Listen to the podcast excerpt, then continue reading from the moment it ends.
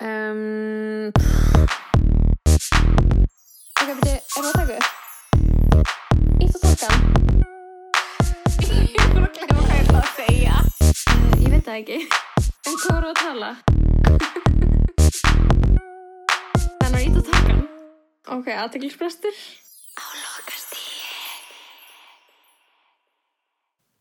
Já, hvað þú sæl blessið. Hæ, hæ pjakkur. Hæ, litla mella, Litla, vændiskona, amma mús vændishús,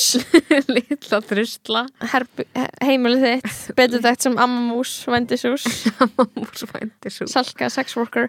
Þannig að góður, góður næsti þáttur á eftir, uh, eftir mömmunum og það slóna heldur betur í gegn. Og ég vildi að við getum verið með mömmur okkar alltaf pod. Ekki, ekki ég salka út af því að þær fara bara um 5G og samsvæmskenningar um fokkin miklu í húsum. Allar mömmur trúa að 5G sé slæmt. Og að ég er eitt, sem ég fór að hugsa og við eigum báðar bestu mömmur í heimi Mhm. það er bara, það er, þú veist ég- þú veist, ég var einmitt spurð í fyrir dag, eða hvað miðvíkutur þetta, í gær, eitthvað svona er þú mamma í nánar? Og ég var svona að fyndi að þú veist, það transleitist ekki í podcasti, en við erum ógislega nánar Já, eða þú veist, við erum bara Nei, en samt svona, ég myndi alltaf segja ég og mamma erum ógislega nánar ég elska hana ógislega mikið hún er mikilvægast að, hún mannskja numera uno í Mhm. lífinu mínu en þú veist, ég segi henni samt ekki uh, allt sem ég geri Mhm. ég svona, ég svona sleppu út hlutum sem að henni, sem ég held að svona veistu hvað, við erum ekki við erum, mér finnst við erum svona mörg Já, já, þetta er ekki svona við að þykjast vera bestu vinkonu líka. Já, og ég fíla það mjög mikið. Einmitt, já. ég held líka þú veist að ég og mamma erum svona nánar en mér líður eins og að sé ekki eins og by choice, fattur hvað ég menna ég er ekki eins og að ég bara er svo mikið með mömmunni. Já, og það er ekki eins og þú veist, það er bara ekki búið að klippa naflastreng, skilur Nei, fattur hvað ég menna, já, ég er bara svona, já, er ekki eins og making a conscious choice að vera náur mömmunni ég bara er, já. og líka hérna, hún er bara hvað? Hún, hún er amma. Hún er amma, hún er alltaf með barnið mitt. En- og stundum er ég bara svona ekki að segja henni hluti út því að ég nenni ekki að útskýra daginn minn eins og þessi unglingur. Skilur hvað ég meina, það er alltaf mm. unglingilegt að mér. Stundum er ég eitthvað ah, ég nenni ekki að útskýra eitthvað. Hvað var að gerast út því að er my mom. Já, um ætla mamma, að mamma tók svona tímabil þar sem hún var aðeins að gildrepp mig fyrir að heyra ekki nóg mikið í sér. Og þarna ég held, hún er svona, þú ringir aldrei.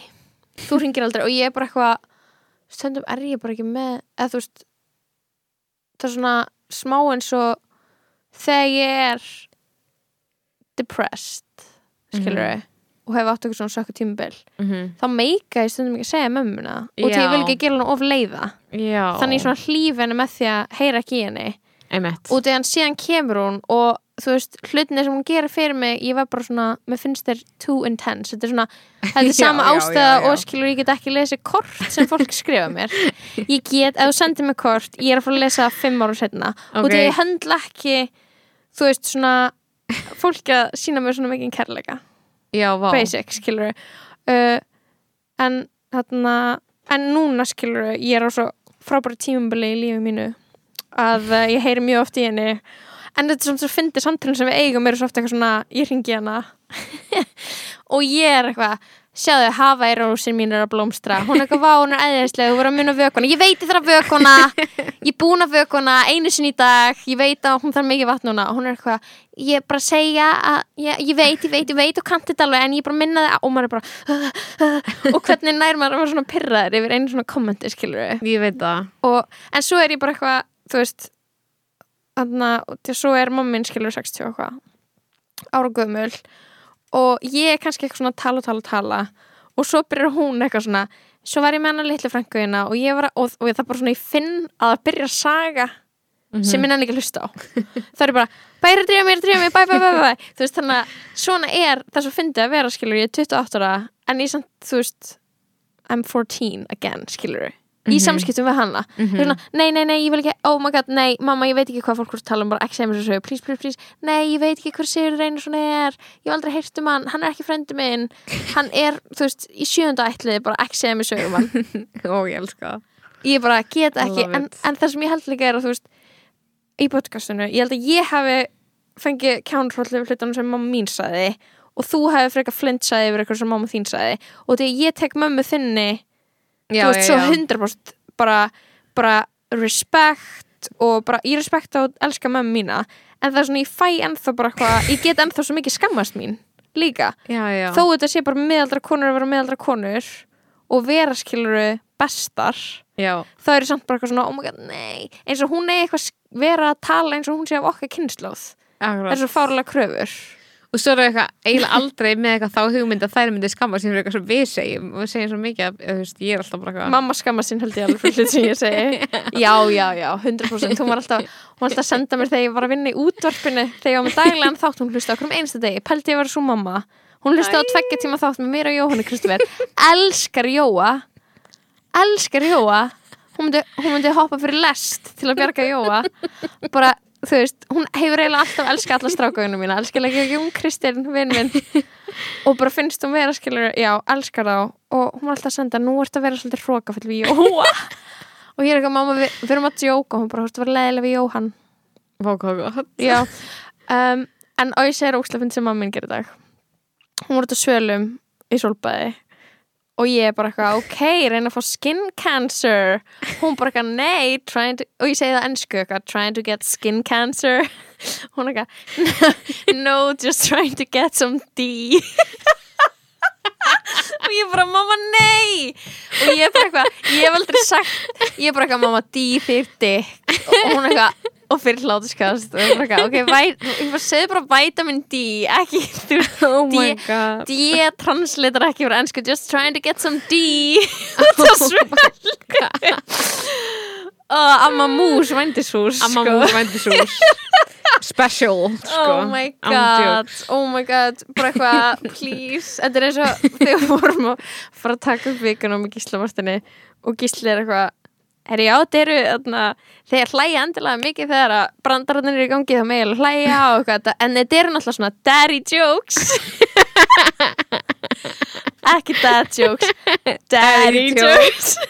Já, og ég er bara eitthvað nei, that's not what it doesn't mean the same thing. Oh my god, vá, ég var að hugsa um hashtagið Daddy2 í vikunni. Og ég var bara að hugsa eitthvað sem fyndið hashtag Daddy2 er Þú fyndið að, að fara frá Me Too. Too í í Daddy2 Daddy too Líka bara, sorry veist, Daddy. Íslenski gaurar veit ekki, eða þú veist, bara eins og að sé ekki fakt á Íslandi bara eitthvað að daddy sé með sexual connotations í bandaríska lingu þetta er svona daddy jokes sem var eitthvað ok það er bara Vá. vika með Gíslan Martini Vændishús oh my god Vá. Uh, já, uh, talandi um hashtag þá erum við náttúrulega bara djúpt söknar í nýjastu seríun af The Circle Já, The Circle. Það sem að fólk er að dundra út Hashtagum. verstu hashtagum mannkjössunar það sem er svo óslega fyndið er bara eitthvað hashtag eru til þess að þú getur klikka á til þess að sjá more things from that hashtag. Og eitthvað í the circle chat. Þá getur eitthvað ítt á hashtagið hashtag girl gang og séu öll samtölun með hashtag girl gang hashtaginu. Nei, Þetta er bara eitthvað- og ég skil ekki- og ég skil ekki mér finnst þess að sko pródusörnir hafi verið bara eitthvað use hashtags. Og pródusörn Hlýtur að sé vera. svona 50 gaur. Mhm. eða leikstjórin eða eitthvað. Og, og þetta, þetta svona tvítu að gæla hann frá Essex er bara eitthvað why, eitthvað. Af, hver- það, eitthvað, það notar engin hashtag. Hann er bara eitthvað use hashtags and emojis. Hún var Já, eitthvað Hashtag Hún er alltaf eitthvað Hashtag girl gang. Hashtag girl gang. Hashtag weekend vibes hashtag Women empowerment. women empowerment. Og hvað er þetta fleiri þarna svona jam hashtagin? Bara eitthvað Hashtag eitthvað sex on the beach. Alltaf eitthvað svona þannig? Já, hvað þau voru að tala um eitthvað koktel sem heitir eitthvað fáránlega kynfyrslu nafni og voru bara Já. I would love to have og það var bara eitthvað svona cocaine sex ég svona En þetta er líka alltaf Ah. eitthvað svona hashtag family matters, hashtags family is everything, hashtag eitthvað svona, Já.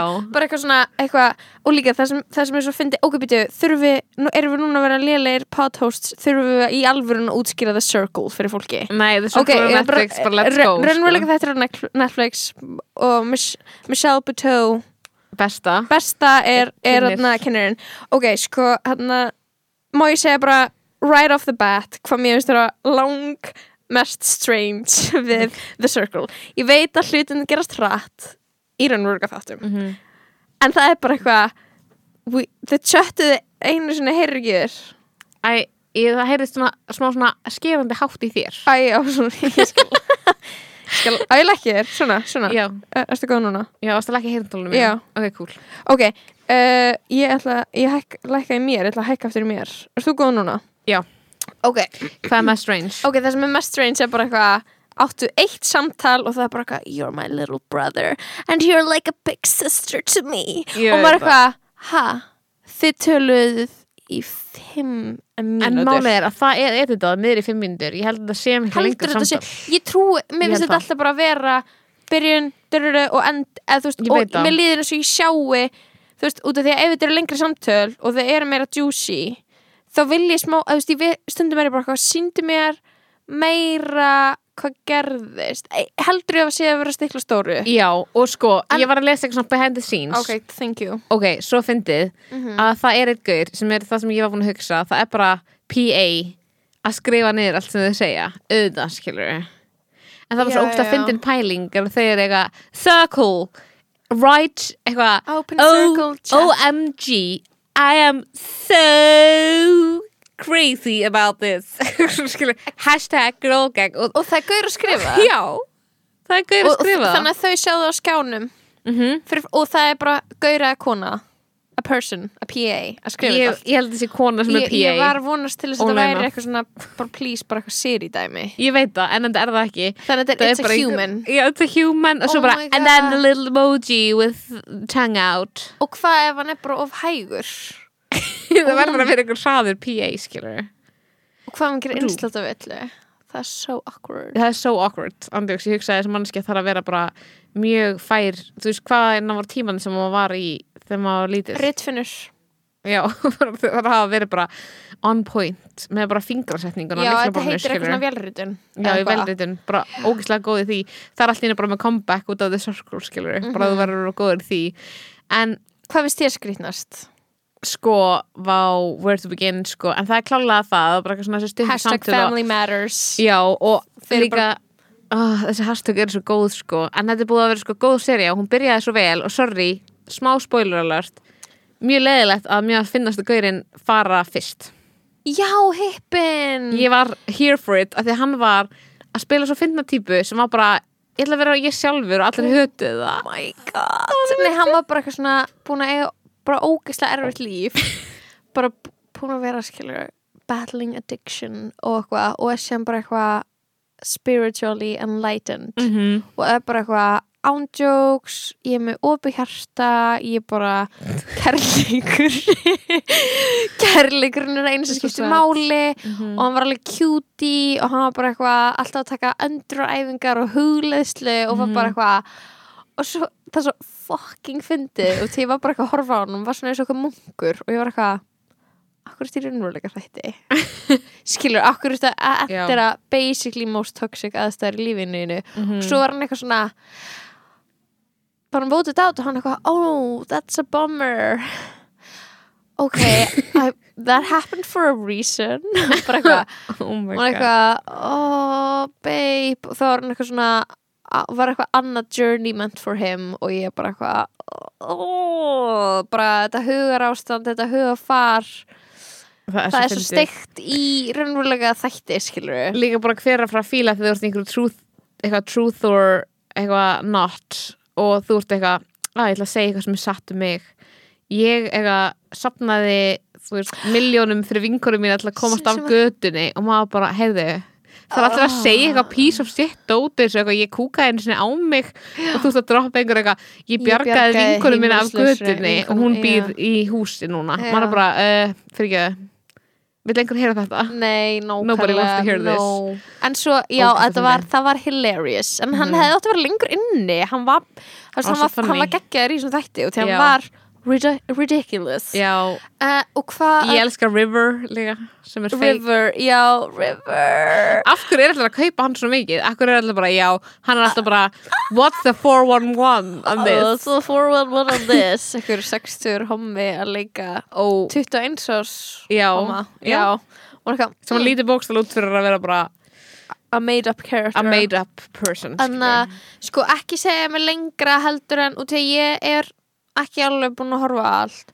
En ég, þannig að, þú veist, ég myndi segja ég er búin með svona eitt þátt eftir Tara Leisha og Savannah Mhm. bífið og þá held ég með Tara Leisha. Já, allan daginn. En það er svo ógeðslega fyndið og til strax svo Savannah var farin þá svona og this is where the magic of editing kemur inn að maður er alltaf einu bara eitthvað til að það var búin að líða vika sinni horfi skilur við og ég man bara svona hvað tilfinningu ég á með í þú veist þannig að binginu Mhm. sem ég tók, þá er ég bara eitthvað einmitt, nei, já, ok, hún er verið hún er verið svo rangt fyrir sér, vá, hún er bara gett hún er að vera fake, ok, hún er að vera fake bitch ég er hérna skilur, Mhm. svo líður vika á milli og ég er alltaf einu bara eitthvað og Savannah er reikin út og, og þeir sem eru eftir eru svolítið svona pro Savannah. Já. Og ég er eitthvað svona ó, eða þú veist, og, þú veist eins og þessi hérna Courtney eins og Courtney er bara eitthvað uh, uh, í eitthvað the inner circle eitthvað mm, yes, I, there are snakes in Ha- the hann var að- grass já. og ég er eitthvað ha, en hún var the snake og hún veit var það. það alveg Hún var skilurðu. það sko Hann áttur að sjá það eftir á og hann er að leika góðan leik sko Mhm. Málega það er svo fyndið að sitja heima á þér og horfa á uh, bókstala að vera að horfa Netflix og þú ert í símaninum og þú ert að horfa Netflix að horfa á annað fólk verið símanum verið símanum, verið það. social media bara eitthvað. Og það er bara ógið, ég elska það, sko, ég elska að sitja þannig að vera bara, já send that message, bitch. Bitch, já, ég elska. Uh, Þannig, ok, tal, talandi um social media sko, ég, ég er búin að vera að pivuta yfir í sko, já, mikla virkni. Sérstaklega senstu svona 2-3 sólurringa, All, ég er alltaf mikið en það er svona eins og og það er bara svona ég er búin að vera svona non-stop og líka non-stop að kíkja mm ég líka. Og þarna og ég er búin að vera að posta og ég er búin að vera að gera mím Ertu búin að taka eftir þeim? Nei, byrja á Twitter? Mm What? Hæ, ertu ekki búin að taka eftir því? Ég geri ég geri mím um þarna þarna, the thermometer. Jú, jú, er jú, jú, það er mér nema stendur gillinæð og svo stendur langar í nammi og svo langar í meira, langar í dóp. Reykjað að virka um langt frá nót Oh sem er god. svolítið funny líka Já, það er búin að vera mjög góð on the Twitch. Já, er ég búin að vera funny? Já. Út af því að skilur Jói er líka búin að vera virkur og hann er búin að fá miklu fyrir like og ég er bara eitthvað uh, og bara abbó, ég er bara eitthvað ok, skilur Jói Jói og ég vorum bara að riffa á brandara hvað svona sem svo bara eitthvað like? lo, lof mér að hekla. Hann eitthvað, lof mér að vera toxic. Raskandi mitt mathöll og uh, lof mér að þarna uh, útvarp Reykjavík klukkan er king. Svona skilur og bara eitthvað, og mér eins og við séum búin að vera með svona, okkur langar auðvarslega að taka upp þátt saman. Og við erum ekki búin að hittast að hanga saman í svona 2-3 vikur. Þannig að við erum bara að blasta gríni á samfélagsmiðla. Það er beautiful. Uh, en svo, já, það er bara þú veist, það er bara svo erfitt þegar maður virkur og maður alltaf að kíkja, að, ah, byrju, já, ok þetta fekk bara 12 like en þetta, mér fannst þetta lang finnast Já, já. Og svo er ég búin að vera ógeðslega virk í story og ég er náttúrulega að jamma um helgina og ég setti ógeðslega mikið í story. Og ég sé eitthvað frá jammunum, ætla að heyra jamsöguna Þú jammaðir sko. Ég jammaði. Ég var bara, Þú jammaðir, ég fór til spámiðils. Já, og, en jammaði er ekki um helgina. Ger, fórst ekki neitt party? Ég man ekki eins og hvað ég gerði um helgina sko. Nei. Fórst ekki bara að horfa á Circle eða? Þú náttúrulega fórst, við fórum náttúrulega fyrstu daginn hittustu aðeins í, í skerjafyrði áður, áður en ég fór, fór Einmitt. í jam, fyrsta jammi. Eins fyrir mér sko. Jú, já, ég fór í bíó og eitthvað væps Jú, jú, ég var alveg að væpa Já, ég byrjaði fyrstu daginn að drakja heila, heila, heila kampanslu sko. Mm. uh, Daginn eftir þá var ég uh, þunn. allan daginn að hekla heklstelpan, mm stofna heklstelpan Instagram akkántin uh, sem allir, allir sem að fíla Já, hekk og mig ætti að followa að hekkstelpan og ég var þunn að klára að hekla baby blanket sem ég gaf í baby shower áðan. Og uh, og svo bara eitthvað rétt ég mætti róm 2 af jammi þá recoverið af þingunni. Svo ég bara mætt um ykkar ref og bara ég var bara með Gamla. náttúruvinsklös og svo fórum við eitthvað stelpunar í eitthvað eitthvað chill heim í vinkun okkar og svo löpum við heim og vinkunum mínu voru bara kvöldi er ekki búið? Og bara förum til þín loa og bara leiðina heim til mín í eldhúsi mitt til þess að drekka. Þá lappa ég framhjá einhverju húsi í göttinu mínu og er eitthvað easy go. Uh, og þegar var allt lokað þú veist, krampún lokuð og eitthvað skilur var Mhm. ekkert hægt að ræða sér síkó og ég bara til Þú bara byrjaði að reykja? Okay. ég reik, all, reik alltaf þegar ég drekk. Ok, what? Ekki alltaf. Jú, alveg 100% eil alltaf ég, Ok, nú, bara, vissur það ekki? Nei? ég eiginlega fæ mér alltaf nikotin þegar ég drakk. Bara búin að gera sinns mentaskóli. Uh, þannig já og það, já og, og þau eitthvað svona, Bassi er með mér. Bassi Moraz Mhm. kom til mín. Ég, eða þú veist, Ok, hann, hann, hann var eitthvað, hvað ertu að gera? Og ég spurði ekki einu svona hvort hann, hann bara mætti. Gekjað og, og það finnst öllum það æði og það sem að fann ég að vera eitthvað að hanga með celebi út af því að það er svona eins og ticket í allt mm skilur mig, eitthvað svona uh, út af því að þau sjá eitthvað að við vorum með Bassam Rush. -hmm. þá vil ekki kíkja inn? Skilur við, Já. og þannig að í staðin fyrir að vera heimi á mér að eitthvað að drekka þá fengum við bara eitthvað fengum okkur bjór og vín og gin og tónik og spilum besservisser við eitthvað ókunnugt fólk í gödunum minni Og það er ógísla fyndið. Það og það var svo fucking gaman. Og þetta var svo stygt kvöld og, þarna, og þetta var svo mikið svona að fara, fara út úr bænum og jamma. Mm -hmm. út af því að þú veist jammið á lokað þannig að við gátum ekki bara að vera eitthvað að dansa á príkinu skilur við uh, og þú veist þetta er bara svona felt like a party skilur við þó við, við vorum bara eitthvað átta. Já. Þú veist við og bara allt kvöldi var ég bara eitthvað áttastelpur þarna svo splittuð upp og við löpum bara eitthvað fjögur og svo joinuðu eitthvað fjóra. Veist við Mhm. vorum ekki að lappa ég var ekki að lappa á milli eitthvað stóra Einmitt. veist en allt kvöldi leið mér eins og ég væri bara í bara partí það var bara alveg jamkvöld ah, það var ógislega gaman. Geðveikt. Og svo fór ég og fekk mér bjór daginn eftir. Og já, ég var bara bender. Og, Þú varst á mánu, Bender, og sko. minn var bara sunnudagur. Býtu, þetta er bara svona, þú ert búin að vera alltaf bendir einna í þessu poti, sko já, en svo bara eitthvað neginn, þú veist, liður langu tíma á milli og eitthvað, mm -hmm.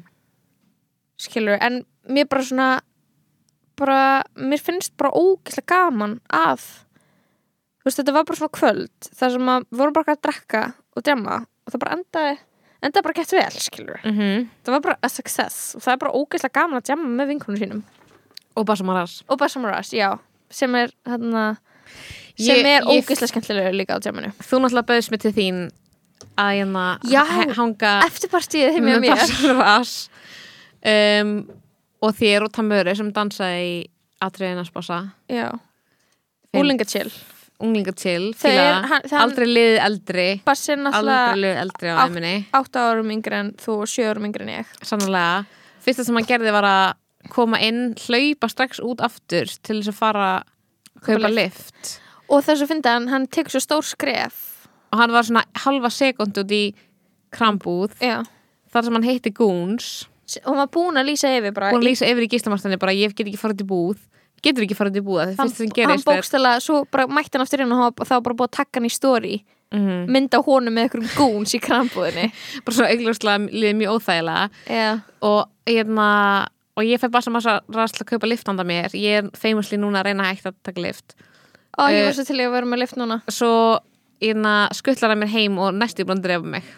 Já, uh, og það var kvöldum mitt og ég var bara vá, ég, En- en so svo old. gaman. mjög gaman sko. Það sem er náttúrulega ókslega gaman er líka að hunga með einhverju nýju fólki og en ég held að sé að sem maður náttúrulega ekki búin að gera í það er málið. Maður er ekki búin að kynnast þennum maður nýjum. mm, vá. Mm en það er svo, það er gaman að vera með bassa en ég finna þú veist ég meina hann að mæti partí fyrir einu, einu ári skilur -hmm.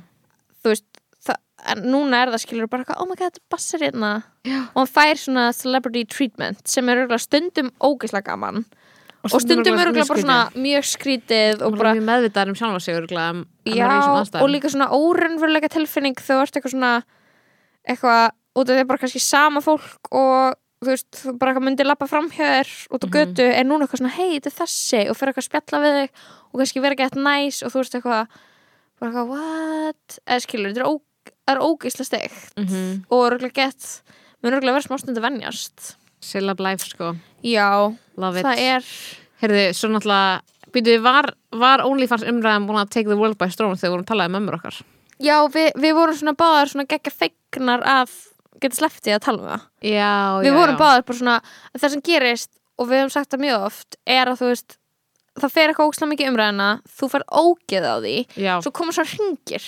Að þú kannski, þú veist eins og ég var að segja með eldgósið og COVID og okkur þannig Mhm. að bara eftir eitt sólarhring af öllum að tala um eldgósið já, já. það væri svona, ok, shut the fuck up með eldgósið Já. og svo núna, þú veist svo bara svona í kannski eitthvað smá tíma eftir það þá maður eitthvað, ok, það komin henni sprunga. Þú veist, og maður er bara svo fyndin með þetta. Já. og ég manstu eftir fríða nippuldeginum veist, það er bara svona, er eitthvað svona fatík, eitthvað svona þreita sem er bara svona, þeir eru eitthvað topic sem þú hefur kannski aldrei spáði áður. Mm bara tröll við öllu. Tröllriður, það er út um allt og það er bara svona inn í öllu og það er allir að reyna að koma brandar, allir að reyna að koma take það er allir að segja sinni skoðun og þú ert bara eitthvað fyrst mjög interested Einmitt. og svo bara fljótlega Emma bara eitthvað oh my god.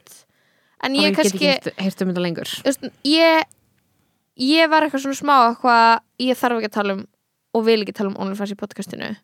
Mhm. út af því að ég hef svo ógislátt verið og þú líka við höfum verið að tala um sex work hérna. Já, ég en þú veist uh, en Einmitt. ég sko, ég sko gerð, ég sagði ekki neitt á netinu nema ég tweetaði eitthvað ég tweetaði eitthvað eitt eitthvað svona ef að rökin gegn OnlyFans eru svo að einhver kallmaður græðir hluta af tekjunum á, á OnlyFans út af því hann á plattformið þá þóri ég ekki að segja hvernig kapitalismi virkar Mhm. ég bara eitthvað, eða þú veist, ég var bara svona eitthvað, alla gamlu konar á feministaspillinu, oh my god, já I'm being fe- ageist, I'm being ageist. En feministaspjallið er búið að vera svona nýr þráður um þetta á korters fresti Já, það eru allir að koma nýjan nýja þráð og það kom bara hundra komment undir, skilur uh, En já, það er eitthvað svona Það er eitthvað, hvernig getur þetta verið valdefling hvenna ef það er karlmaður sem að fær hluta af tekjunum? Og við erum að tala um sko munin á, í klámframlöslu munin á því að er að þú veist eigandi pornhöp tekur 99% Mhm. af tekjunum Mhm. og, fra, og, og, og eða? leikararnir fá okkur þúsund dólara Mhm.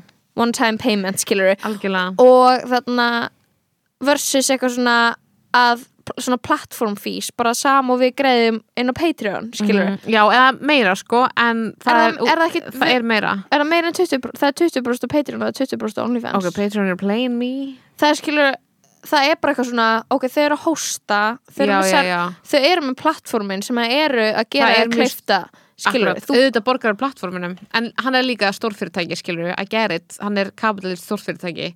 En, en við þú, við ef að existum í kapitalísku kerfi. Og, bara, og stundum eru bara umgjörðin sem að kapitalismi e, þú veist, Mhm. þessi kapitaliska umgjörð getur alveg líka veitt okkur öryggi Mhm. skilur alveg eins og, þú veist, eins og OnlyFans hefur tekist að veita ykkur um öryggi að einmitt geta gert eitthvað gegnum netið.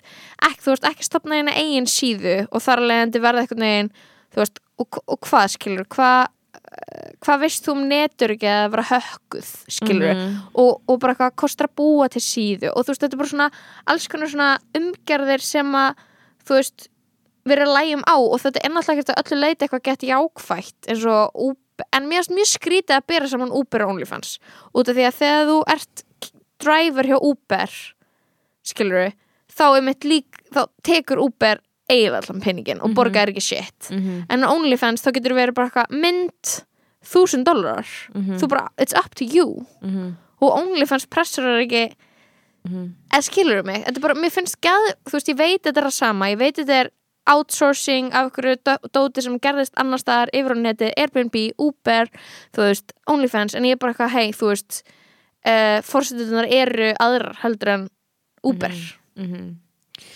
já, já, Svo sorry. skrítið, eða veist, já, þetta er bara búið því að maður er að hugsa svona af hverju ert þú sem einhver manneskja sem er á móti því að konur veiti kynlistjónustu gegn peningum skilur við Akkur ertu going out of your way til þess að segja við konur uh, ég mun aldrei samþykja uh, eða vir, byrja virðingu fyrir þessar starfskrein Fattur hvað ég meina? Bara svo áhugavert að vera bara af hverju þarf að go out of your way til að segja Mhm. þú veist, af hverju getur ekki verið bara já, þú veist við erum ekki að sjá neina aukningu í því að þú veist, bara svona eins og það sem að þú veist uh, kynlífsvinna er skilur afglæpavætt, þá Já. er ekki þannig að stelpur flikkist til þess að vinna hana, það er ekki þannig skilur það er bara, þeir eru doing it safely skilur, það er sem er Mhm. þegar að því. Og maður er eitthvað svona af hverju, og, og þú veist, ég held að bara svona what it comes down to er að þú ert með eitthvað svona siðferðis, þú ert að svona setja sjálfa þig á hærri stall siðferðislega. Mm og mér mhm. finnst það sem fyrir taugunar á mér er að fólk sé að dulbúa það sem eitthvað annað. Sem Já, svona það er dulbúða sem feminisma það er Já. dulbúða sem sko uh, að þú veist eitthvað að, að, að hlutgerfing og kynlíf og eitthvað svona það er alltaf verið að tala um sölu á líkamum kvenna mm sem mér finnst- ógeðslega áhugavert út af því að þú veist sala á líkamum kvenna þú veist uh, það er eitthvað svona það er svo, það er svo merkilegt sko hvernig það er lægi líka að það, þú veist, við erum til í það við erum kannski náttúrulega ekkert eitthvað það til í það en við guttir um sölu og líka um hvenna þegar við erum að kaupa okkur ógeðslega út í föt saumuð já, skilur fyrir engan pening af okkur konum og það eru bara generally, þú veist, mjög mikið af bara svona, við erum að tala um bara svona algjörlega botnin á píramítanum, skiluru Já. í hennu bara hagkerfun okkar, skiluru og bara Mhm. framleiðslan, bara hver sérum bara svona bara erfiðist og verstu framleiðstina á Íslandi þá er það innflytjendur sem vinna í fiski. Mm og það eru erlendi verkamenn skilur sem eru líka Mhm. kallmenn sem að byggja húsun hérna skilur fyrir Mhm. slikk. Uh, og bara mjög oft eitthvað svona mannsals iffiness dæmi í gangi. Og þarna þú veist að textiliðnaðurinn það eru þú veist þeir sem að vinna skilur í matvæla einaðanum þú veist og eru um þetta verka kjúkling og fisk og svín og eitthvað. Og við erum eitthvað svona að tala um sölu og líkamum hvenna en það er eitthvað alltaf bara í kontekstinu kynlíf. Og, og ég bara svona ég skil alveg þú veist að það sé erfitt fyrir fullt af konum að þarna ímyndi sér í þessum aðstæðum þar sem að þú veist þú myndir þykja greiðslu fyrir kynlíf. Mm en bara eitthvað svona þú veist það, þú veist bara svona stærsta stærsti lærdómur minn á netinu svona senstu ári bara eitthvað þú veist það er bara svo ógeisla það er bara ógeisla ólíkt hvað fólki finnst heitt -hmm. skilur bara eitthvað mér finnst það líka bara eitthvað úst, gleymast í þessari umræði að það er bara eitthvað að er ekkert allir sem að vilja monogam með sambönd. Skilur það eru ógeisla margir sem bara eitthvað líti ekki á eða þú veist hafa ekki, kynlíf á þessum stall sem eitthvað hjónabandsþeng já, akkurat. Og já, þa- og það er það sem ég segi, þetta er Já, svona siðferðis eða svona einhver krist, þetta er svona kristilegur einhver hérna stallur sem að fólk er að setja kynlíf á sem er bara svo áhugavert að þú ætlar að gera fyrir alla. Bara þú ætlar að þú veist setja að þann allir fyrir hljóta að alla. vera þannig. En ég bara svona velti ógeisla mikið fyrir mér bara svona hvað er þetta með þú veist eitthvað svona all, eitthvað svona sölu á líkamum hverna og hlutgerfing? Og ég bara svona bara eitthvað sé ekki heim þú veist þar sem við höfum einhvern veginn eliminita hlutgerfingu og því að hlutgerfing er nöðsynlegur partur af kynlífi þú veist, kynlífi er bara hérna, þú veist einhver, einhver annar að sjá þig veist, og objectifæði þig og finnast þú kynfærsla aðlaðandi en er það saman hlutgerung samt? Já, og þú veist,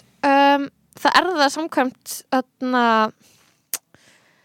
það er það samt, samkvæmt einhver svona pælingum um, þú veist, erotík eða skilur út af því að það er eitthvað þú veist, þú verður til þess að þú veist, manneskjum þarna þú veist, laðist svona erotíst að koronari oh, þetta er allt eitthvað svona, þetta er allt byggt á einhverju að konu sem ég er alltaf að tala um hana, Esther Perel skilur, að þarna, þegar þú ert til dæmis í langtíma sambandi með makaneginum þá ertu ekki lengur að hugsa um þarna, bara hvað þú veist að, að magin er kannski þreyttur eða þú veist, þú veist þeir eru Mm. nýbúin að borða saman og hann ger ekki uppvaskið Mhm. og dyrru og þú veist eitthvað svona taka allt það í burtu skilur, eitthvað svona part af þú veist heldinni, skilur bara eitthvað þarna og alls konar respekt til þess að fara inn í þú veist leikin sem kynlíf er mm. og. Anna, og eitthvað svona uh, og hún er eitthvað svona með þessar pælingar um að þú veist að þarna kynlíf þú veist er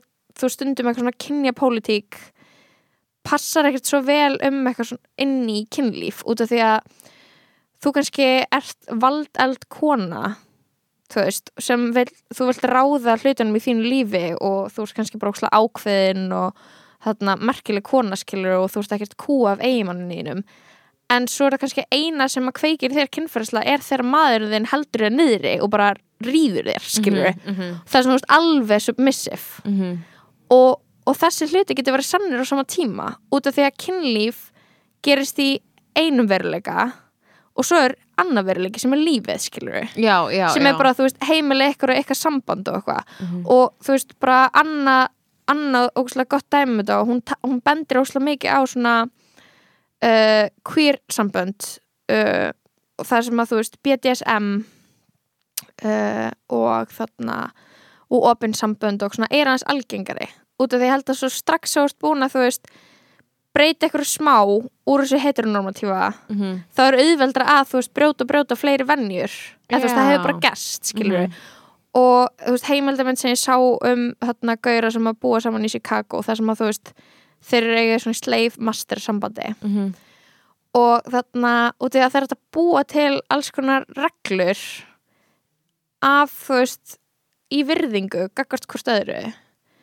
Uh, og það hefur ekkert að gera með þú veist um, þarna hvað eitthvað finnst þú hvort annað í raun og veru Nei, þú fer bara inn algjörlega. í eitthvað svona leik í eitthvað svona kynlífi og Mhm. bara, já hérna er leifilegt að þú bara, þú Mhm. mátt bara meiða mig svona svona svona að það mörkin er svo skýra mellir lífsins utan kynlífsins Já, skilurðu, já. og kynlífsins já, þess vegna meina ég þetta með að hlutgering sé þarna partur af kynlífi út af því að Mhm. þú ert ekki eitthvað svona uh, þú bara, þú veist, þetta er bara líkami for that purpose í, Og- og ég held að það sé líka búin að hluti af einhverju sko bælingu að einhver leiti að ákveðin svona stundum eldri kynslu skilur já, sé svona geðveitt á móti sér þetta er eiginlega móti öllu sem er sko líka svona sexually liberating eins og ok, geða eitthvað svona mikil einna, eins og svona eldri, eldri, þú veist, ok, ég er það um svona mömmur okkar kynslu, skilur mm sem er bara eitthvað svona, myndi sjá úkslega margt sem svona hluti af klámvæðingu,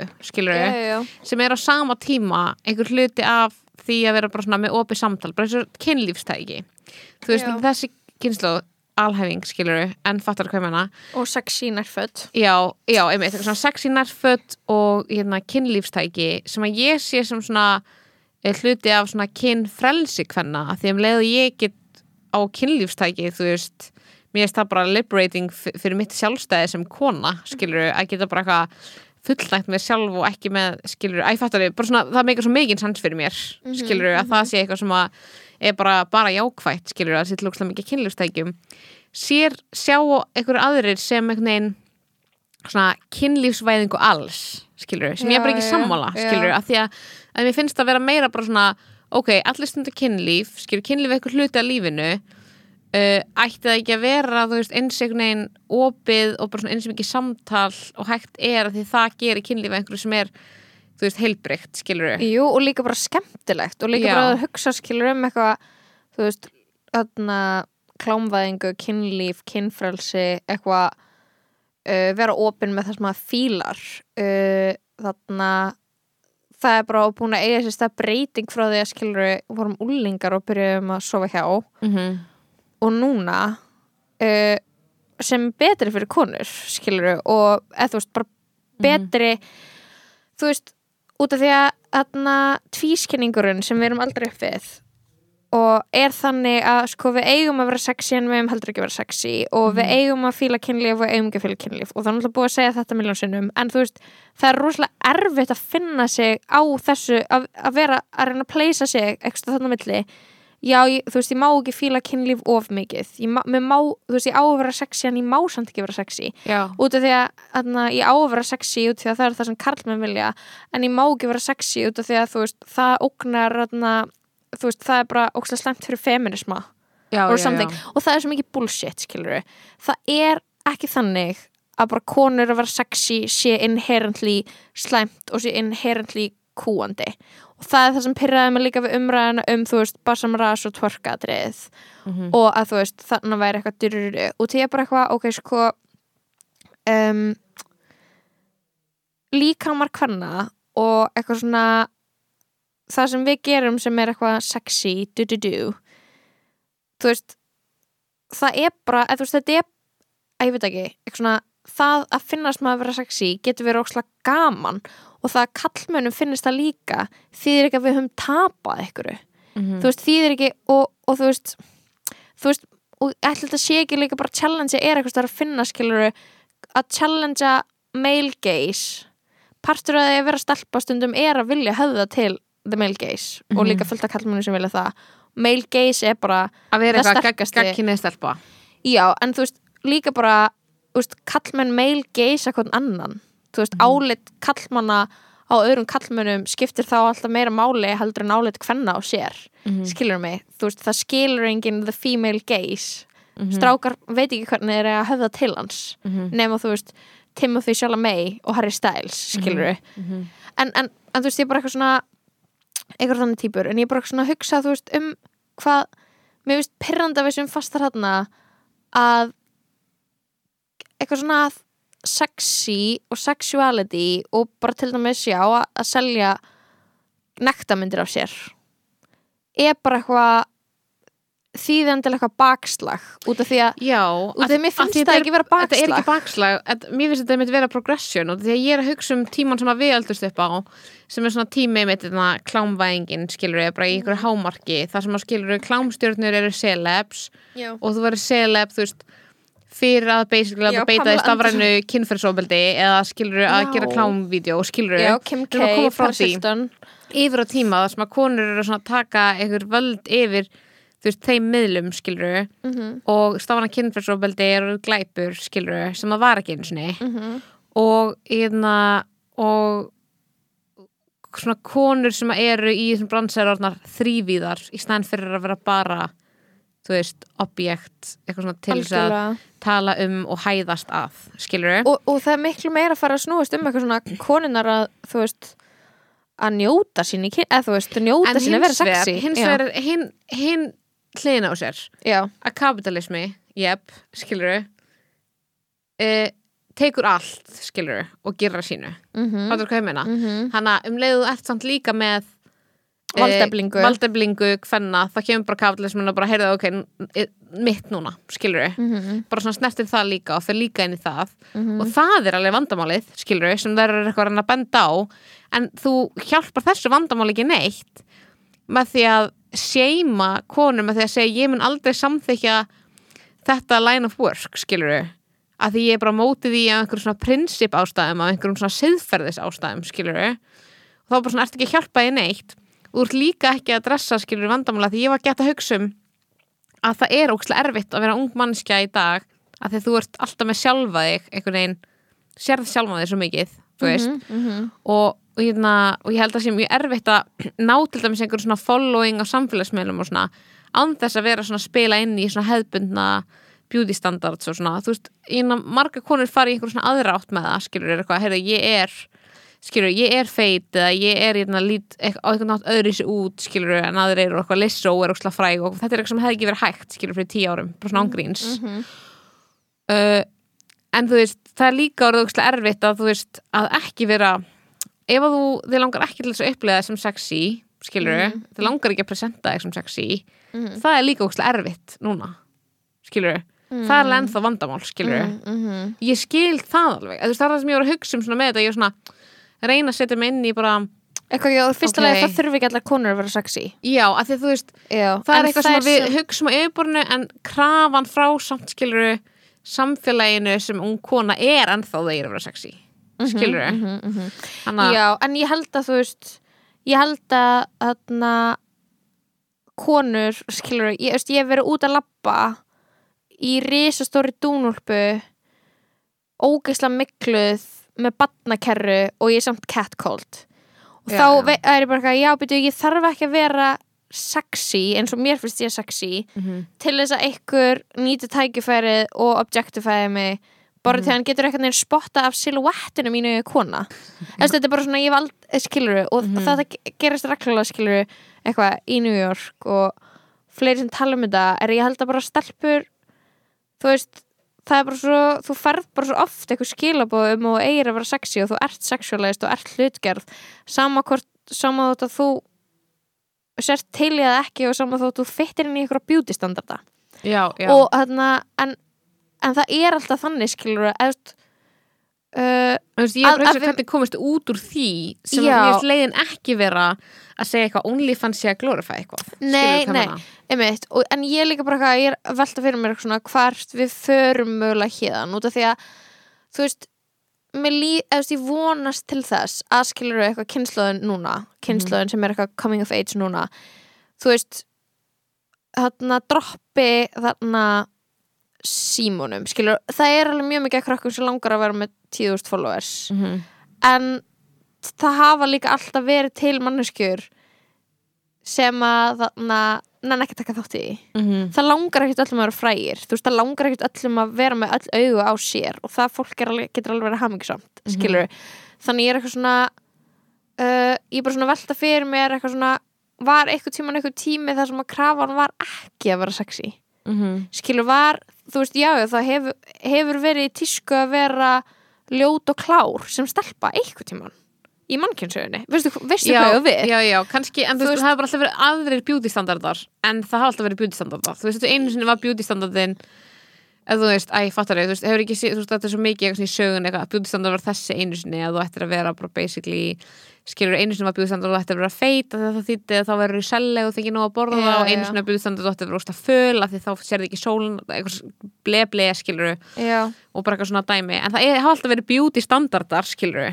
já, og ef eitthvað er það held ég að við séum alveg fyrir eitthvað góðum stað með það út af því að það til svo mikið á svona fjölbreytni. Já, bara fjölbreytni og við sjáum allt og Mm, allir eru með plattformin mm og það er málið, það er miklu betra allir sem er plattformin, það er ekki einhverju nokkrir ákveðnir já, þú veist, kapitalismin er að taka allt og snertir allt og þú veist, og hérna, þú veist, gerir alltaf sínu og þá græða öllu og eitthvað, skilur við já, klálega bara, það er vandamál en, en það eru samt miklu fleiri með, með plattform. Og þetta er Já. mismöndi plattformar og fólk getur einhvern veginn valið hvaða plattform það vil nota já. skilur við, En- eitthvað sem var ekki áður. n- nú er eitt skilur sem ég er svona velta fyrir mér út af því að þú veist, ég er eitthvað, ok, kannski hefur eitthvað með aldur, ég er ekki lengur baby, skilur og heili minn er ekkert eitthvað algjör svampur, eitthvað svona gagvart utan að komandi áhrifum.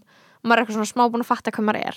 Mhm. er að þú veist, ég hef ekki eftir að þú veist eitthvað uh, Nicky Minaj varð ógísla fræg og gerði Anaconda-vídeóið og, og Doja Cat gerir einmitt ógísla mikið af þú veist rassamindböndum og bara ég er ógísla mikil aðdáðandi að þeim og ég er ógísla mikil aðdáðandi að þú veist Mhm.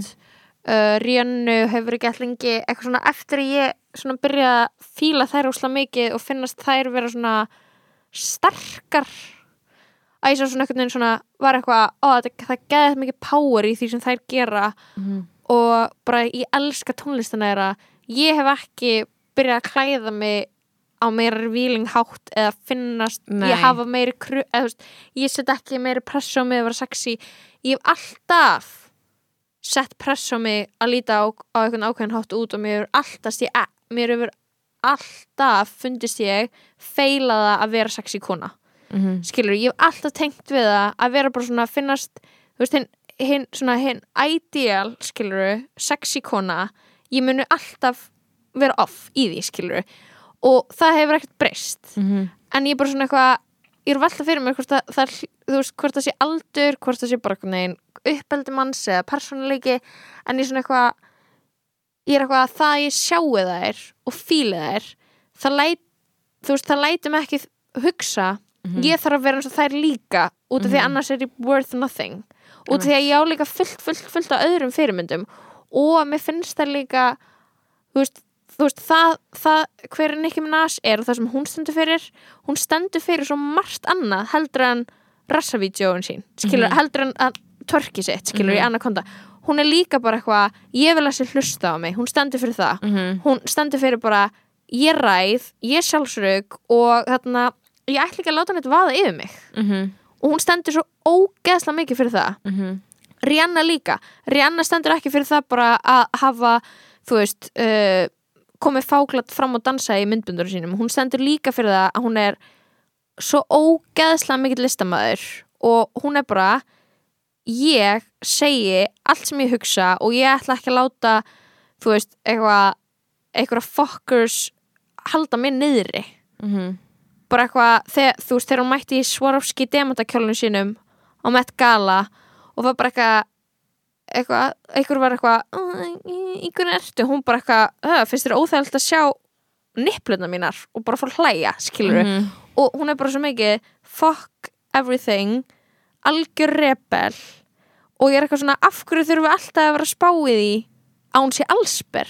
Mhm. að það sé, okkur, þú veist við hljótum að geta sé handan þess sem feministar sem að leita að uh, sem er eitthvað svona empowered af öðrum konum, skilur mig? Já, Já, þetta er pínu svona þetta er, mér finnst þetta bara svona pínu gamaldags svona greining á að þú veist, þegar við erum að tala um þessa hlutgerfingu þú veist, þetta er pínu outdated pæling, skilur að allt þetta, þú veist, eitthvað að það sé ekki feminist að gera þetta og hitt, skilur að því að einmitt, við erum alltaf inn komin í tíma sem að þú veist, konur sem að Hérna, þú veist, er að taka þessa narratífi til sín, skilur, Já. bara eitthvað wet as pussy, skilur, mm bara allt í einu að og taka pródusera það sjálfar. Já, að pródusera og bara búa því hérna eigin narratífu og bara já, þú veist, ef hún inniheldur eitthvað sexuality þá bara, þú veist, er það þannig, skilur og, þú getur ekki tekið sexuality af konum heldur. Nei, þannig að þú veist, þetta er alveg, veist, þetta er búið að batna einhverju mörgu leiti, skilur en það er líka eitthvað svona pínu erfitt væp, þú veist, í gangi bara einhverju svona fem, þú veist,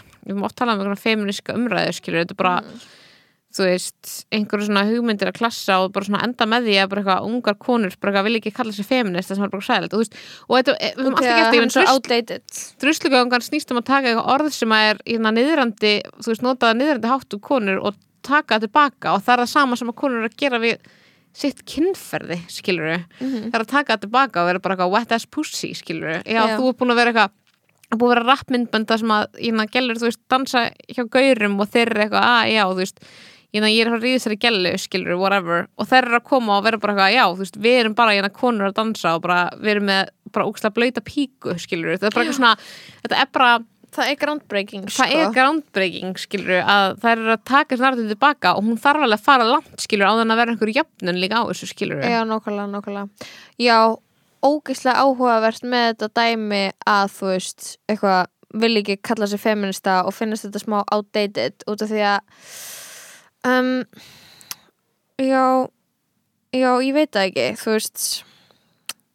Já Help me out here Lost my train of thought Æ, ég veit ekki, ég er bara svo mikið, mikið að hugsa um, veist, bottom line í þessu OnlyFans dæmi finnst mér vera að ef að þú ert að hlaða svona miklu vægi á uh, líkama kvenna og Mhm. kynferð kvenna og kynfæri kvenna mm -hmm, þá ert þú að viðhalda vandamálinu og ekki vera Mhm. hlutlausninni. Mm -hmm, það er bara það sem ég finnst um þetta skilur, er að þú sért alltaf líka með kvenna og vændi og vændi, þú veist, hérna, ég mun aldrei samþykja vændi, þá er þú basically að segja e, þú veist, að konur, þú veist, hafi einhvern veginn ekki, get ekki haft stjórn á þessu heilaga fyrirbæri sem er þeirra líkami. Þannig að þú þurfir að passa upp þú veist, það er bara svo margt skilur í þessu sem er bara svona, segir bara, ok, þær eru basically að taka stjórnuna til þess að þetta missi svona mikið þú veist, þetta missi sitt vægi einhvern veginn að þú veist að kynferð sé svona óaðgengilegt og það sé bara eitthvað, þú veist, fyrir söma en ekki alla og eitthvað. Og þær eru eitthvað að taka eitthvað vald tilbaka með því að vera í viðtölum og vera bara, hei, hér er þrýðið persóna sem að vinnur kynlífsvinnu en líka bara manneskja og er líka bara að gera þetta og hitt, skilur Mhm. og er að hafa stjórna í lífi og þú ert að segja við hana bara eitthvað ég mun aldrei samþykja það sem þú ert að gera. Ég mun alltaf að ég mun það alltaf líta þessum siðferðinu. þólanda ég mun alltaf líta á þessum þólanda já, veist, já. þá ert þú að vera hluti af vandamálinu. Já, út af því að skilur uh, þarna, mér finnst skipta ógeðslega miklu máli í þessu öllu hvað þarna uh, hver er að taka ákvarðunar skilur og við megum ekki taka þarna, við megum ekki taka skilur þarna sjálfstæði af konum og gera þær að fórnalömbum og ákveða ef þær taka ákvörðunni sem að mér fyrir slæmar þá hljóta þær að vera kúar til þess út af því að uh, við, við erum bara það, við erum bara föst í það flóknu kerfi. Þú get, þú veist, hvernig, er þú búin að átta það hvernig þú tóst ákvörðun út frá að þú veist kú og kona ekki, mm -hmm. skilur og bara, þú veist, það fyrir öllum starfskrænum sem þú valdir, þú getur bara þú veist, það er þetta kúa þig og beita þig það miklu óbeldi að þau finnst þú ekki eiga skilið vinnu sem er annað en þetta, skilur og ég, ég er ekki fara að tala um eitthvað, skilur það getur fara að alhafa um eitthvað ákvæmna starfskreinar en það er svona eitthvað þú veist, þetta er bara svona að pathologisa svona mikið um konur. Að vera bara uh, já, þú varst beitt kynferðisofbeldi og þess vegna ertu slötti núna. Og maður er eitthvað, oh my god. Líka bara, þú veist ein af hverjum fjórum konum eða eitthvað er beitt kynferðisofbeldi. Mhm. hvernig erum við þá ekki all, allar í vændi? Einmitt. Skilur við og, og ég bara eitthvað við vitum hvað það er stórt vandamál og þú ætlar núna að koma að alhæfa um alla konur sem hafa lent í því eða þú veist, alla konur sem að velja sér eitthvað greina þær þess, að það hafi einhvern veginn svo varanlega áhrif á þeirra ákvarðan að tökja hæfni að þú þurfur að koma að bjarga þeim. Eða þú veist, þetta er svo já. óslega súrt. Og líka bara eitthvað þú veist, auðvitað erum við veist, auðvitað mér, ég veit ekki einu svona af hverju ég er eitthvað að fara að taka það fram núna en þetta ánáttúrulega engan hátt við fólk sem er fórnalega mannsals Nei. við erum bara að tala um fólk sem að ákveður sjálft að vinna ykkur að vinnu og bara það. Mm bara það. Og það er ógeðslega fokkin pirrandi að blanda þessu saman. Mm -hmm. og þú blandar ekki saman mannesku sem er þræll í kóbaltnámu í Afríku og svo eitthvað sem að vinnur við, við skarkripagerð eða þú veist að búa til batteri í Mhm. þú veist með geðið fín laun og hefur það geðið gott. Mm -hmm. Þú Bara ert að tala segja um mér- mun og mannski sem að vinna við eitthvað og, og mannski sem er þræll. Já og það er ekki þú veist og það er bara ógeðslega asnalegt að konfleita þessu alltaf mm -hmm. en ok, ég bara var, mér langar að fara back to uh, sex og Mhm. kynlíf og, og munurinn á því Þú veist uh, hvað segir þau? Ég kveikt á litlu viftinni Ok, sem er þetta love for it. um, það heyrist í henni en, og mér er svo pyrrandi ég hefur sóna út á hann og því að þetta er óslega mikið það sem ég ætla að segja ég ætla að tala um þú veist munin á því að þarna vera kona og vera kynferðislegur svona uh, bara svona að ráða og fatta hvenar þú mátt segja nei og hvenar, og hvenar þú vilt segja já og hvað þið langar og af hverju þú veist og bara svona vera over it að uh, stunda kynlif með kallmanni bara hugsandi um sko að honum liði vel og hann fái það sem hann vill og bara það hefa allar stelpur sem ég þekki sem voru úlingar samt sem ég farið heim með ykkur um gaurin færða þið fannst það ekki eins og gott og það var Mhm. kynlíf fyrir þér Já, já og munurinn núna er bara eitthvað þú veist að ég er ekki að segja að við löpum allar inn eitthvað eins og Megan Thee Stallion og erum eitthvað eitthvað um, bara eitthvað, þú ætti að gera þetta eða mig og láta mér liða svona og við erum Mhm. ekkert allar eitthvað dom, Mhm. þú veist en munurinn er bara eitthvað bara eitthvað, vá, ég þarf ekki að gera þetta ef þetta er ekki gott fyrir mig, skilur Mhm. Og, og það skiptir líka máli í þessari kynlífsvinnu er bara eitthvað veist, við getum ekkert að súma um það að stelpuna sem vinna við þetta og taka þessar myndir á sér eða þá sofa hjá þessum, þessum fólki að þeim líði ekki bara óksla vel á meðan Mhm. út af því að þú veist kynlíf og að vera þarna eitthvað svona örugum messi getur bara verið algjörst sors af bara gaman Mhm.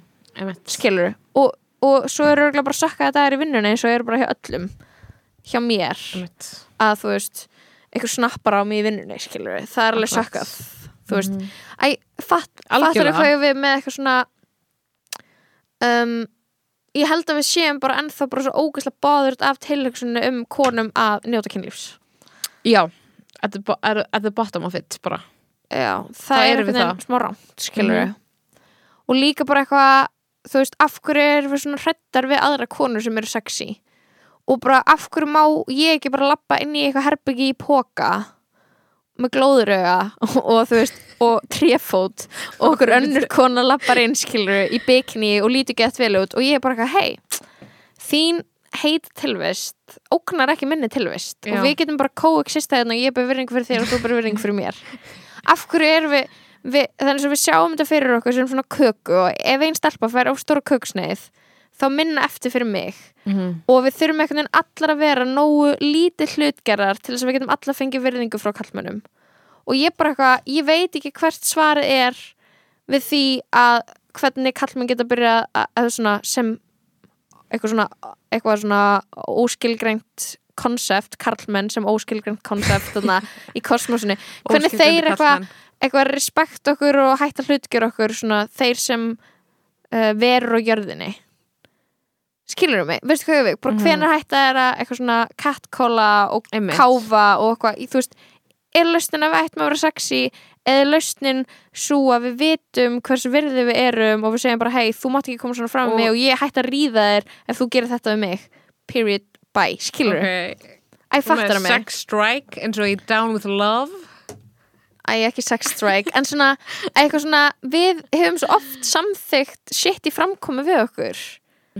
Bara því að við vitum ekki að við eigum betra skilið. Já, og það er einhverju svona við- úti sem er að kenna okkur að við eigum betra skilið og þá ætlum við að vera eitthvað, nei, ekki, eða fattur hvað ég meina, bara þeir sem Meg, þú veist, Nicki Minaj og þessi típur sem að við ætlum eitthvað að seima að þær eru ó, óhlýðnar, Já, og þær segja nákvæmlega hvers eru og maður er eitthvað svona, það er miklu betra fyrir mig að ég viti það heldur en að ég lappi bara um í rullukrafaból og vonast til þess að vera aldrei hlutgerð aftur Mhm. fyrir heldur en að ég ákveð sjálf kontekstið þegar það er gert og hvenær það má ekki Já, einmitt, og ég held að það hvenær ekki ætla að þegar þú ert með meira vald, skilur þá, þú veist um leið er, er það eitthvað jafn, jafn staða hjá kynjunum, skilur Já. þá myndi þessi hlut að gerast, skilur þá myndi þetta hætta þessi áreitni og þetta Mhm, dæmi, skilur mhm. gætu við verið að eiga einhver svona eðlileg samskipti, skilur Vá. Mhm. Solve Ég veit feminism. það ekki, já, við listum það. Ég held bara að þú veist umræðan um eitthvað svona ég held að þú veist eins perrandu að geta verið eitthvað svona þessi þetta body positivity og svona valdefling og bla bla bla, allt þetta skilur þá er þetta bara ógíslega mikilvægt út af því að þú veist við vitum ekki hva, hvernig framkomi við eigum skilið meðan við vitum það ekki þá sættum við okkur við shit í framkomi skilur mm -hmm. Mm -hmm. Algjörlega og það er svo margt búið að breytast veist, til svo miklu betra þú veist, ég er bara eitthvað bara hvaða maður finnur að hafa ógæslega mikil áhrif á, á mann, veist hvaða mikið svona fjölbreytni í svona representation mm af alls konar líkomum og Mhm. alls konar Það breytir veist, öllu. það breytir öllu og maður finnur hvernig það gerir skilur, bara um leið og maður er bara eitthvað búin að vera eitthvað að sjá einhverja myndir ég er bara eitthvað að sjá einhverja nektarmyndir af Lissó og einhverjum öðrum bara eitthvað beautiful feitum gælum skilur, Já. ég er bara eitthvað let's go let's þið eru go. fucking hot, ég er að á ykkur og þið eru fucking hot, ok, Já. love skilur, og það er bara lægt mér líða hot gett vel, bara, það lægt mér líða mjög vel að horfa aðra konur vera hot, skilur if, hvað meina? if you feel svona- sexy, you're sexy. Þetta er tilfinning, þetta er attitude. Þetta er framkoma Mhm. skilur við Ég er bara eitthvað, Lizzo, þú er sexy, I feel sexy. Is beautiful. Ég er bara inn í that Rurari keeps on peysinu minni og ég er bara eitthvað, Þú ert mjög sexy.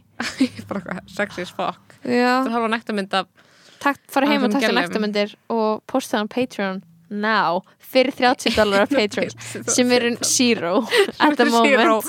Ég ætla að henda inn At nokkrum the vel völdum moment. At the moment, en eftir þenni þátt verða þeir fjölmargir. Ég, hanna, ég til að setja butt pic fyrir 30 dólar á Patreon. Sko, mér finnst Já, Sko, ditt sko. ég held, sko, ég held ég myndi ekki senda þarna fulli nektamind, sko en brjóstum minn rask, sko bara, já, let's go I don't Mhm, care, mhm. selja það já, ef ykkur, ef ykkur, ef ykkur sækó myndi vilja kaupa það bara let's go, sko Það er líka bara svo fyndið þess að fyndið Ah. uh. eitthvað svona eins og allir myndi eitthvað nenna að vera OnlyFans ég er bara eitthvað, ég er að hugsa um vinnuna sem myndi fara í það fyrir mig að búa að ég að taka að mér þessar myndir. Myndir Vá, ég var svona, tí, ég var svona tíu myndir án að reyna að taka mynd af andlitinu mínu sem var ekki ógæsleg ég var eitthvað, að reyna að láta allt hitt lúka vel líka bara ég, hvað ég fara að mála með rassin bara make á rassin sólapúður á rassin bara eitthvað svo ertu með asni bara svona bólir á rassinum og alltaf einhverju vaksi og eitthvað shit þetta er bara, bara ég dáist að, þetta er bara sama ástæð og ég er ekki einhver áhrifavaldur að setja einhver hot myndir af mér eitthvað facetune inn á Instagram og fá þúsund like, er bara sama ástæð fyrir að ég er ekki fara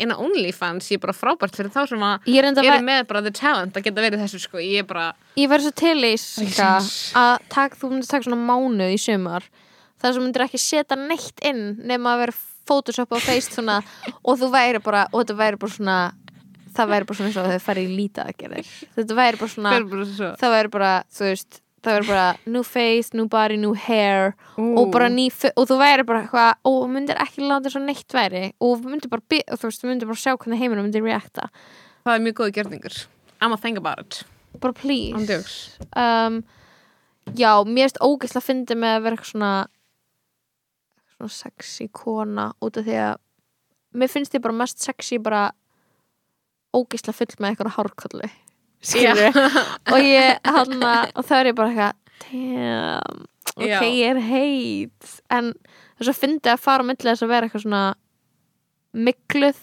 og svo heit mikluð og heit, mikluð og heit mm -hmm. Hva, veistu ekki hvað ég er að tala um? Já, ég er alltaf, ég er á, hérna, ég er á svona, svona skoppast þannig fram og tilbaka. Ég er bara eitthvað undantekninga laust eitthvað, finnst ég gett heit ef ég er bara svona búin að setja næs hárnæringu og hárið mitt er gett næs og það er Mhm. undantekninga laust bara heima á mér á sófanum og það er bara Ég er gorgeous. I'm gorgeous, nobody here to see it en það setja eitthvað í story og bara eitthvað mm. Ég, ekki mér, betur en að fá validation frá vinkunniðinum þegar þú ert ína Ég- sæt og sexy á því Fattar ég vil ókslega mikið bara frá validation frá gaurum. Já, en fattar ekki hvað ég meina. Að setja það bara á Þegar- einhver plattform þar sem bara vinkunniðinar nokkrar vinkunniðinar sjá það, skilur hvað ég meina? og vera bara eitthvað setja bara í close friends í story og fimm vinkunniðnar bara vákart sæt. Og þú ert bara, mhm, that's what, why I put it there. Til að þið getur sagt það. Oh, já, og þegar gaurar kommenta aldrei eitthvað sæta. Nei, en- aldrei. En veistu hvað hvað ég gerði þannig að ég var eitthvað sko archives á Instagram. Og ég man ég setti í þarna story eitthvað mynda mér ómálaðari þar sem ég var samt svona geggja sæt ómálið með svona sítt hár Mhm. og var eitthvað, er ég sæt ómálið bara strákar svara. Og ég fekk 100% já og ég var alltaf bara sko hvað nýja og nýja strákar ég er bara svona neyð eitthvað strákar til að vera eitthvað þú ert sæt. Og þetta var svo That's to get af, af svona ego boosti fyrir mig þann dag að vera bara ok, hann líka en þetta voru alltaf einhverju vini mínir. Þetta var bókslega alltaf einhverju svona einhverju strákavini engin mínir. annar myndi þóra að segja það en, lík, en samt svona líka nokkru svona randos. Ok. en ég átti kærastu þá. En núna, núna er maður svona eitthvað Getur endið þig í leikin já, en þú veist allt svona svona flip maður er svona eitthvað þú veist, það er svo ógeðslega mikill munur að að posta cute selfies af sér í sambandi og svo þegar maður er á lausu og þá finnst mér að vera eitthvað svona nenni ekki please að ríða mér. Mér finnst það að vera væpi en maður gera það bara eitthvað please please er að sí en ég gera það svolítið alveg. But I'm not proud of it. Wow, single life tala ég um mikið um kynlíf í podcastinu. Þessu ég er podcasti? ekki kynlífsopin. Ég minnst ekkert gaman að tala um Nei, kynlíf. þú talar ekki of mikið um, um kynlíf í podcastinu, þetta er fyrsta sinn sem að við nei, ég er að tala um þessum þætti núna. Já, nei, það er bara ég var for. ég var að tala um eitthvað að vera kona og vilja segja bara vera riðið af karlmanni. Það er að tala um þetta ándjóks það þarf ándjós að tala um þetta. Það þarf ándjós við ég held að besta sem við getum gert fyrir okkur svona, sem konur er bara hætta að skammast okkar mm -hmm. byrja bara að liða vel. Ég er að segja það, og hættilega að orða lip- skamma sín, já, hætt þú að seima konur. Bitch á feministaspjallinu Bitch að feimur spjallinu stop. Ándjóks, stop. og hérna, já við erum klálega bara í ykkur samtali. Við erum klálega bara getting somewhere. Mér líður eins og þessi betra. Alltaf líður mér betur Já, sem konu. Algjörlega. As a woman As a woman líður betur, as a member of hashtag girl gang. Hashtag girl Girl gang, gang, hashtag hashtag- women empowerment. Og þetta er náttúrulega þættinum Já hashtag girl gang, hashtag women empowerment. Ok. Herðu, uh, Ég er svo sko heima að horfa á næsta þátt The Circle, það koma miðgudum þannig að I am color me excited. Alright herru ætti ég að fara í búðu og köpa lift uh, ég er hann að hætta að lifta hana mér langar í búið að nammi Já, við gera það? Já. Við fara saman? Já. Herru, þannig að takk fyrir þáttinn Feel like an absolute psycho eftir hann, það var rosalega gaman það er mjög gaman um, Þannig að ég ætla að setja buttpick fyrir 30 dólar Patreon til þess Mhm. að sína samstöðu með öllum sex workers í þessari OnlyFans umröðu að ég með mitt ass knee og, er ekki yfir að hafinn og okkur vantar bara 23 patrons upp í 100 sem er þegar ég og Lóa fyrir á fyrir absolute fyllir í. Og við ætlum að gera eitthvað svona kynlífstellingu sem enginn getur það sem að einn stendur á höndum og hinn stendur og heldur svona í fætunar og við ætlum að gera þessa kynlífstellingu á, á lækjatorki á lækjartorki á þessu djammi sem við þurfum á þegar það koma 100 patrons þannig að það er til mikils að vinna. Þú ætlar að taka ketamin í fyrst skipti. Ég ætla að prófa sveppi. Ég ætla að gera það. Um, ég hlakka fárlega mikið til. Uh, hald, please haldi áfram að enabla mig í drikki endilega endilega uh, Takk. takk, bye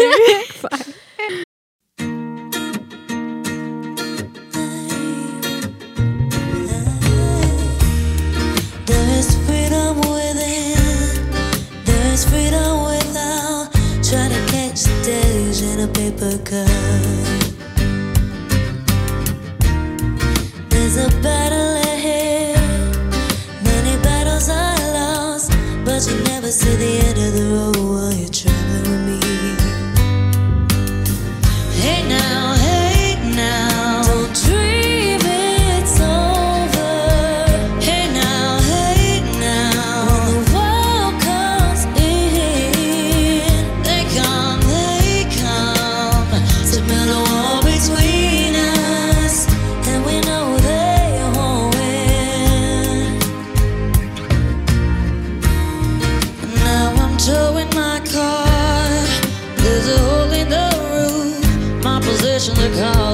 Suspicion, but there's no proof. And in the paper today, it tells of and of ways, But you turn right over to the TV page.